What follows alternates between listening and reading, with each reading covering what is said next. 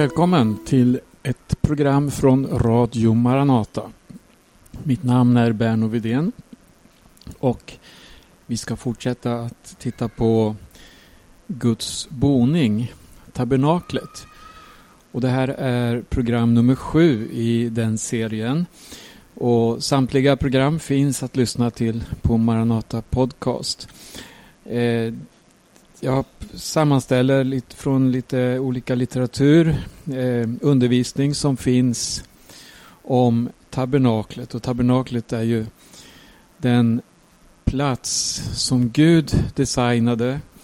Han gav uppdraget till Moses att, att eh, tillverka och göra allt precis utifrån den plan som Gud eh, lämnade till honom i material, i färger och i prästernas klädsel och i deras tjänst vid tabernaklet, offren och så vidare. Jag ska eh, inleda det här programmet med att tala något om offer. Eh, tabernaklet i sig, det är ju en eh, fysisk plats med eh, en helig plats, det allra heligaste. Det har en förgård och det har olika material, olika altaren.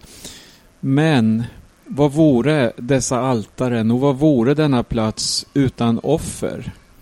Var ganska meningslös egentligen. Och vad har offren för betydelse?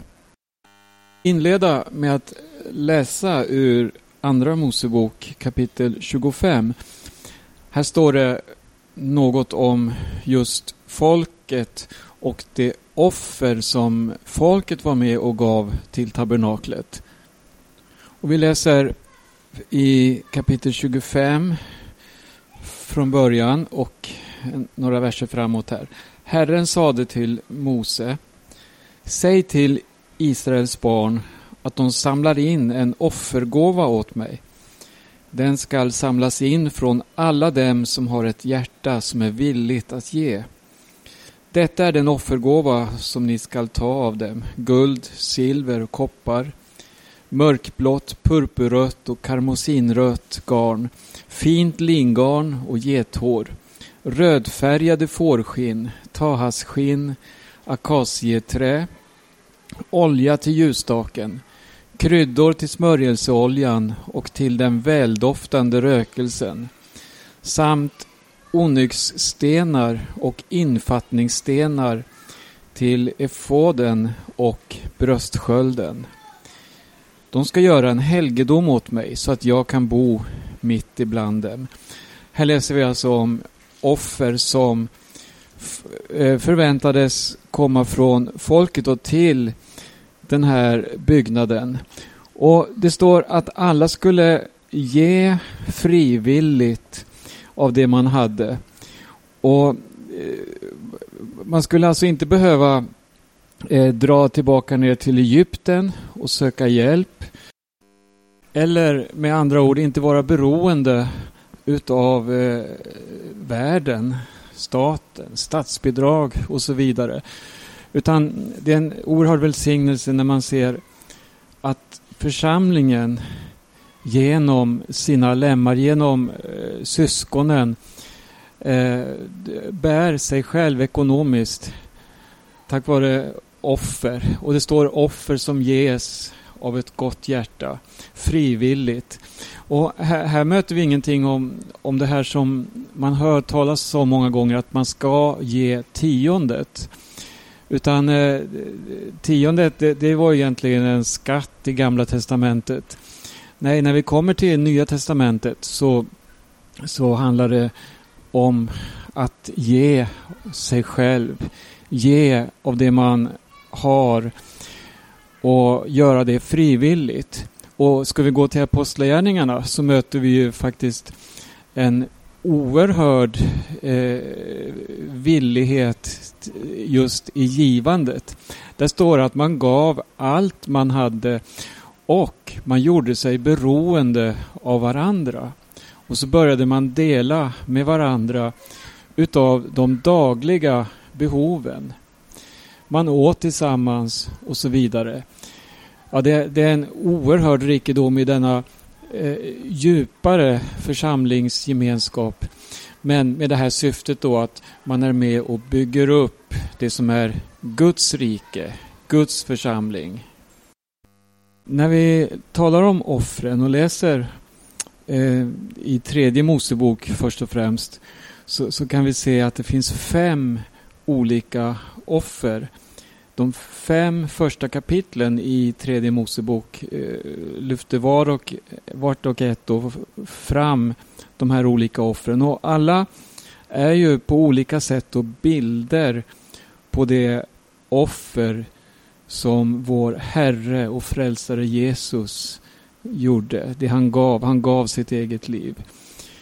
Och, men inget av de här offren var ju tillräckligt för att kunna förklara och beskriva då det eh, stora offer som Herren Jesus gav när han utblottade sig själv. Och då han gav sitt liv för oss, för att försona oss, befria oss från synden. De här offren, eh, det är fem olika offer och fem är också en siffra som har speciell betydelse i skriften och det handlar om nåd. Och Efesierbrevet säger ju exempelvis då så här att av nåd är vi frälsta genom tron, inte av gärningar för att ingen ska berömma sig. Utan allt är av nåd. Och genom offren här så ser vi då också att, att eh, vilket högt pris det kostar att försona synden. Och vi ser att ingen av oss, ingen människa kan försona sig själv eller bli genom sina egna gärningar eller ansträngningar då befri från synden utan det krävs ett offer. När vi läser skriften så ser vi att det finns en tydlig undervisning. En rak linje eller en, som en röd tråd som går igenom hela skriften.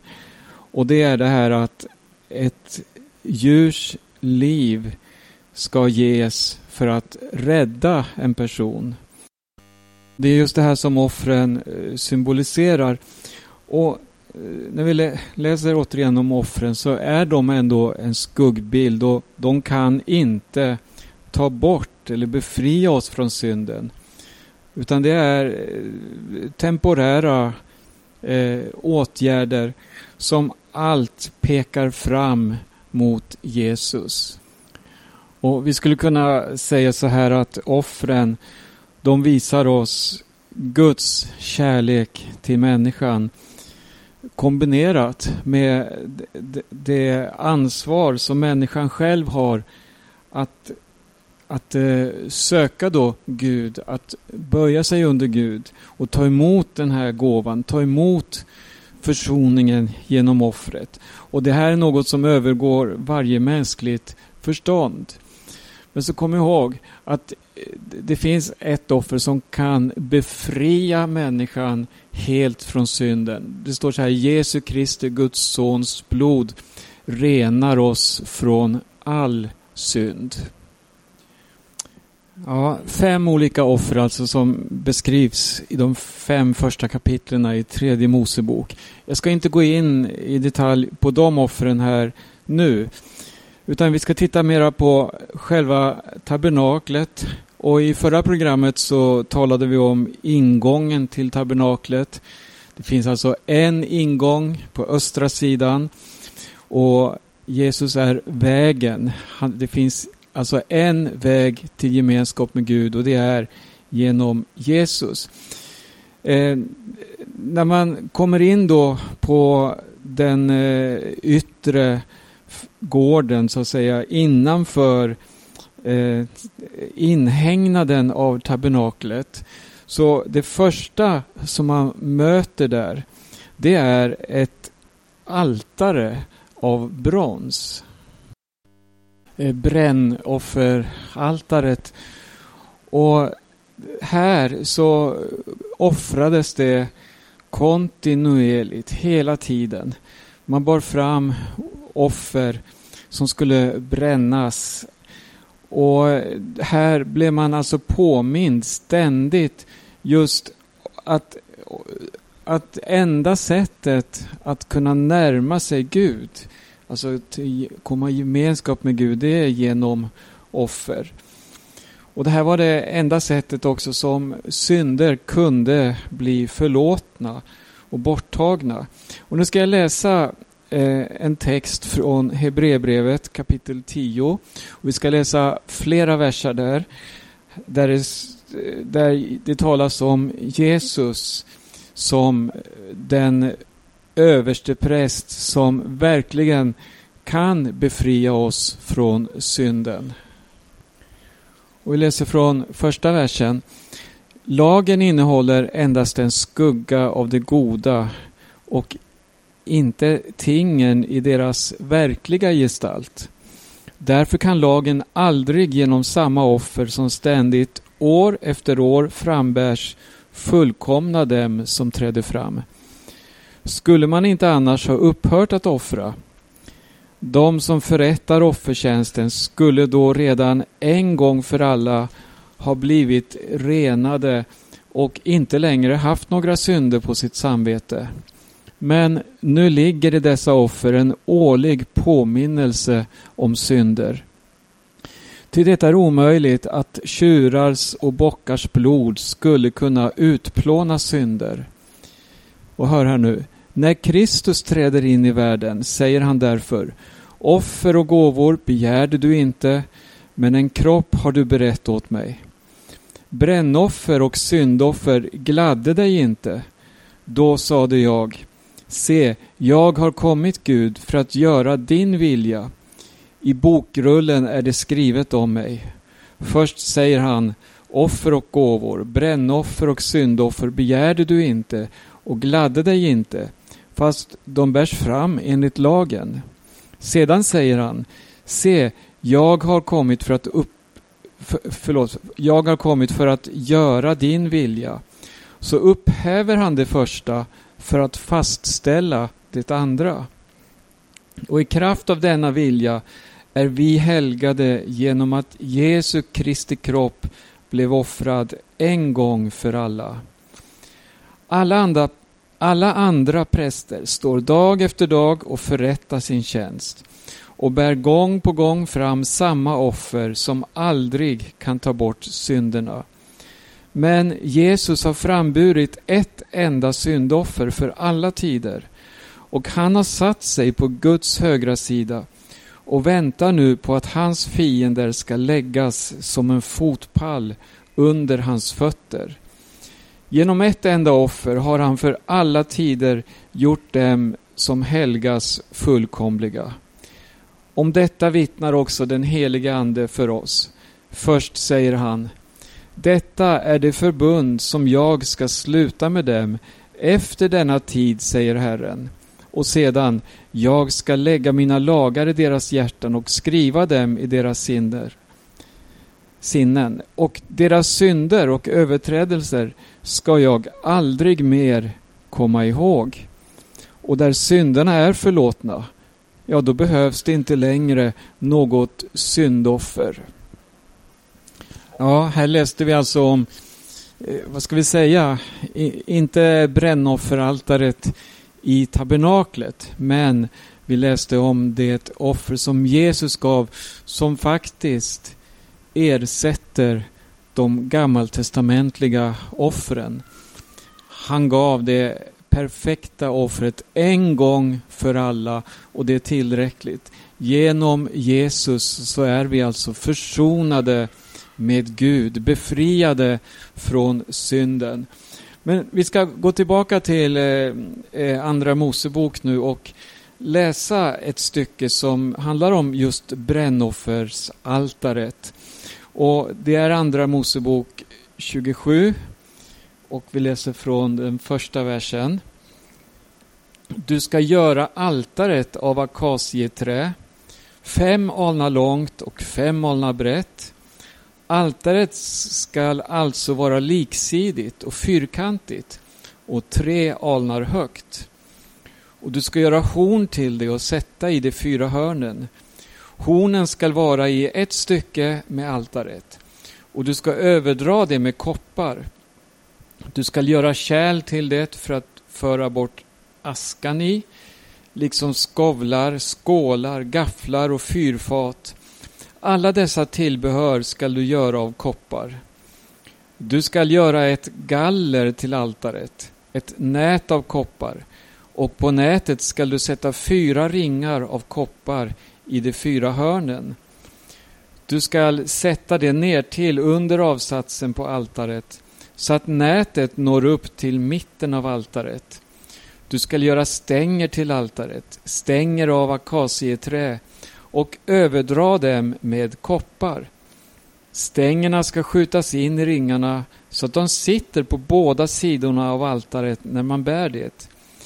Ihåligt och av plankor skall du göra det, så som det har visats för dig på berget skall det göras.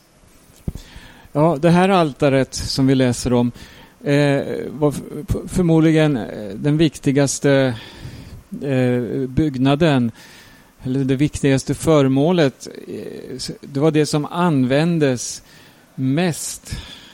Varje dag ständigt så fanns det en eld som brann i det här altaret. Och det enda som egentligen kunde eh, överträffa altaret, det var ju själva offret.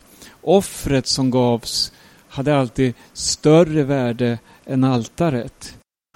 Och som vi sagt så det här var ju det första som man såg. Det var placerat precis vid ingången till eh, gården då vid tabernaklet.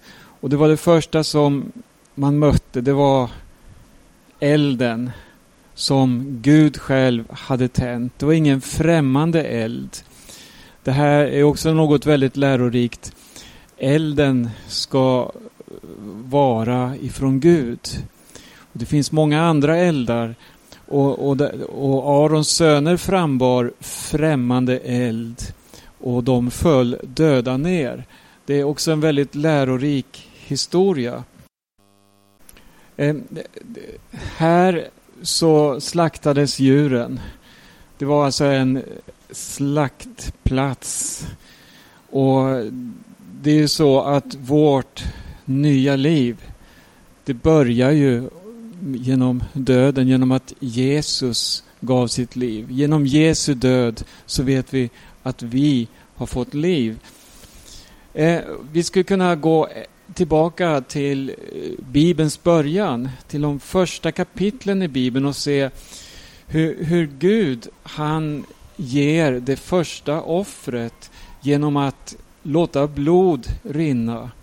Och det var på det sättet som efter människan hade syndat, hade vänt sig mot Gud och ätit av den förbjudna frukten då står det att de blev fördrivna ut ur lustgården. De kunde inte längre leva i den här oskuldsfulla gemenskapen med Gud. Men eh, själva hade människan klätt sig med fikonlöv då man såg att man var nakna. Men Gud, han gav människan kläder av skinn. Han klädde alltså människan genom att ett offer gavs och, och det här är sedan en princip som följs rakt igenom hela skriften. Utan att blod utgjutes så kan ingen förlåtelse ges. Och nu vill jag läsa eh, ytterligare några rader från Hebreerbrevet för att påminna just om Jesus som överste präst och det offer han gav. Och det står i kapitel 9 från vers 11. Men nu har Kristus kommit som överstepräst för det goda som vi äger. Genom det större och fullkomligare tabernakel som inte är gjort med händer, det vill säga som inte tillhör den här skapelsen, gick han en gång för alla in i det allra heligaste. Inte med bockars och kalvars blod utan med sitt eget blod och vann en evig återlösning. Om nu redan blod av bockar och tjurar och askan från en kviga stängt på det orena, helgar till yttre renhet. Hur mycket mer skall då inte Kristi blod rena våra samveten från döda gärningar så att vi tjänar den levande guden? Ty Kristus har genom den evige Ande framburit sig själv som ett felfritt offer åt Gud. Ja, jag tror det är viktigt att man eh, stannar upp och, och, gör de här jämförelserna. För vi har som sagt i tabernaklet förebilder som är temporära. Men det pekar fram mot den evige, mot det enda offer som Jesus gav på Golgata. Det står om, ytterligare om det här altaret då, att det var gjort av akacieträ, men det var täckt av koppar eller brons. Och det här handlar om Guds rättfärdighet också. Eh, brons är ju det material som på ett speciellt sätt talar om rättfärdighet, rättvisa.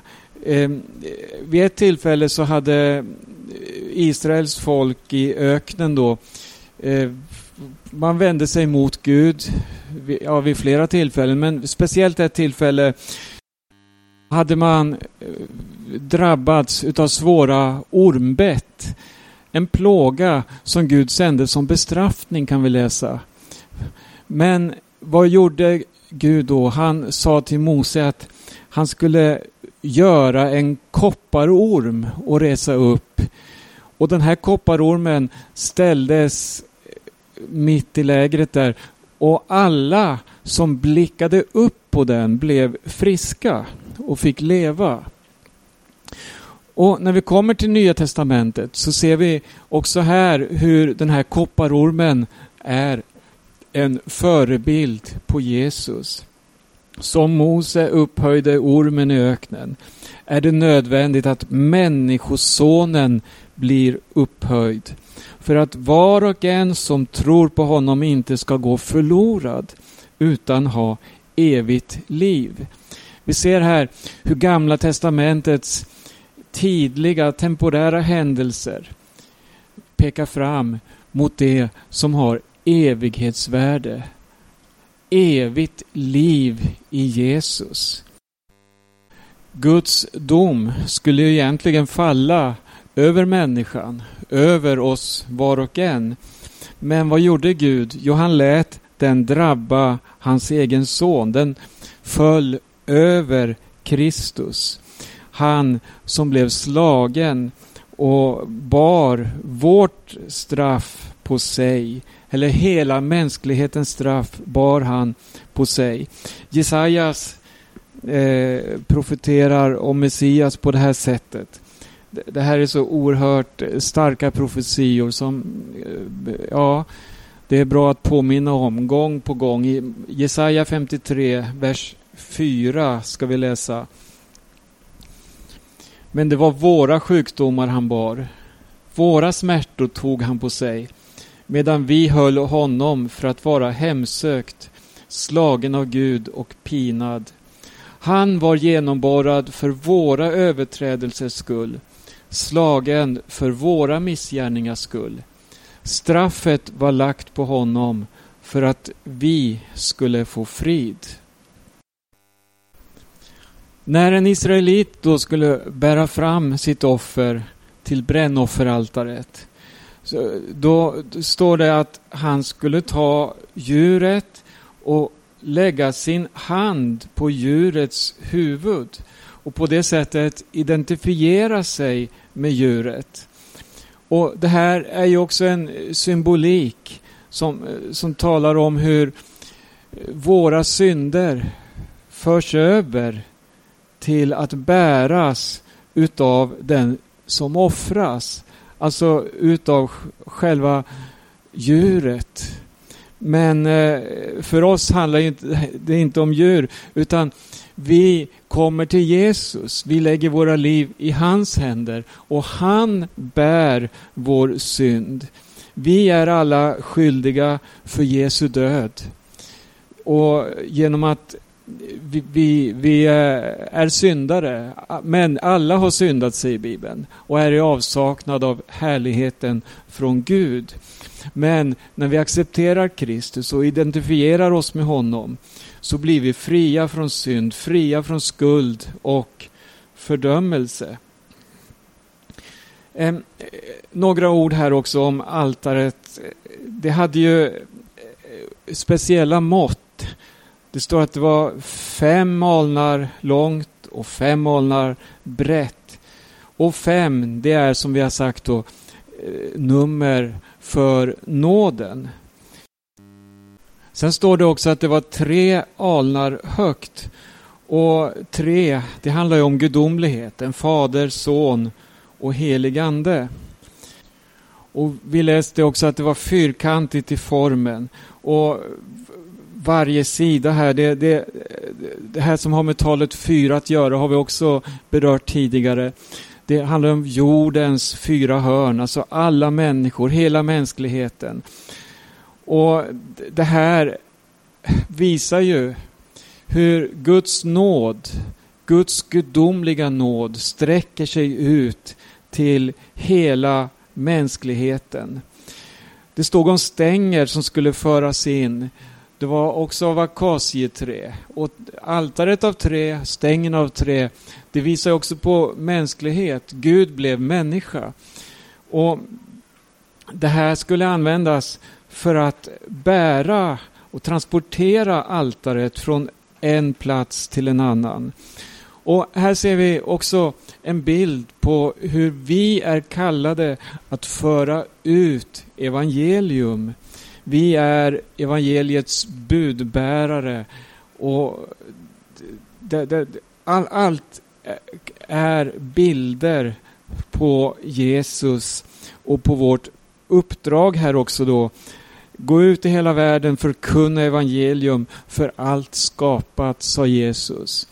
Och missionsbefallningen den följer oss också i de här förebilderna då. Jag tänker på eh, Paulus som skriver till romarna. Hur ska de kunna åkalla den de inte tror på? Och hur skulle de kunna tro om ingen hör? Och hur ska de kunna höra om ingen predikar? Och vem, hur ska de kunna predika om de inte var sända? Och som det står, eh, hur ljuvliga är inte fotstegen av den budbärare som frambär gott budskap.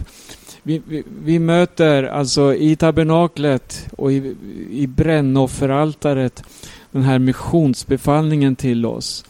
Gå ut i hela världen, förkunna evangelium för allt skapat. Presentera Jesus för människorna. Eh, eh, en sak till här helt kort innan programmet är slut. Eh, efter det här altaret så fanns det också en, en källa av brons som var fylld av vatten och där skulle man eh, renas. Och det här är också en viktig bit i, i det hela för att ständigt så behöver vi hålla oss rena. Och vi får komma till honom som är den levande källan. Vi får tvätta våra händer symboliskt talat, våra fötter, våra handlingar, våra steg. Allt får vi lägga i Herrens händer och så får vi bevara vår fot från all fara och hålla oss rena i Herren Jesus Kristus. Och Jesus han är livets källa. Han sa ju det att den som kommer till mig ska aldrig någonsin törsta utan i hans inre skall strömmar av levande vatten flyta fram. Där är tiden slut för den här gången. Eh, jag ska fortsätta den här studien i nästa program. Du lyssnar till Radio Maranata och jag heter Berno Vidén. Eh, gå gärna in på vår hemsida maranata.se där du kan lyssna till alla våra program som vi sänder. Eh, det finns också annan information att ta till där. Gud välsigne var och en och på återhörande.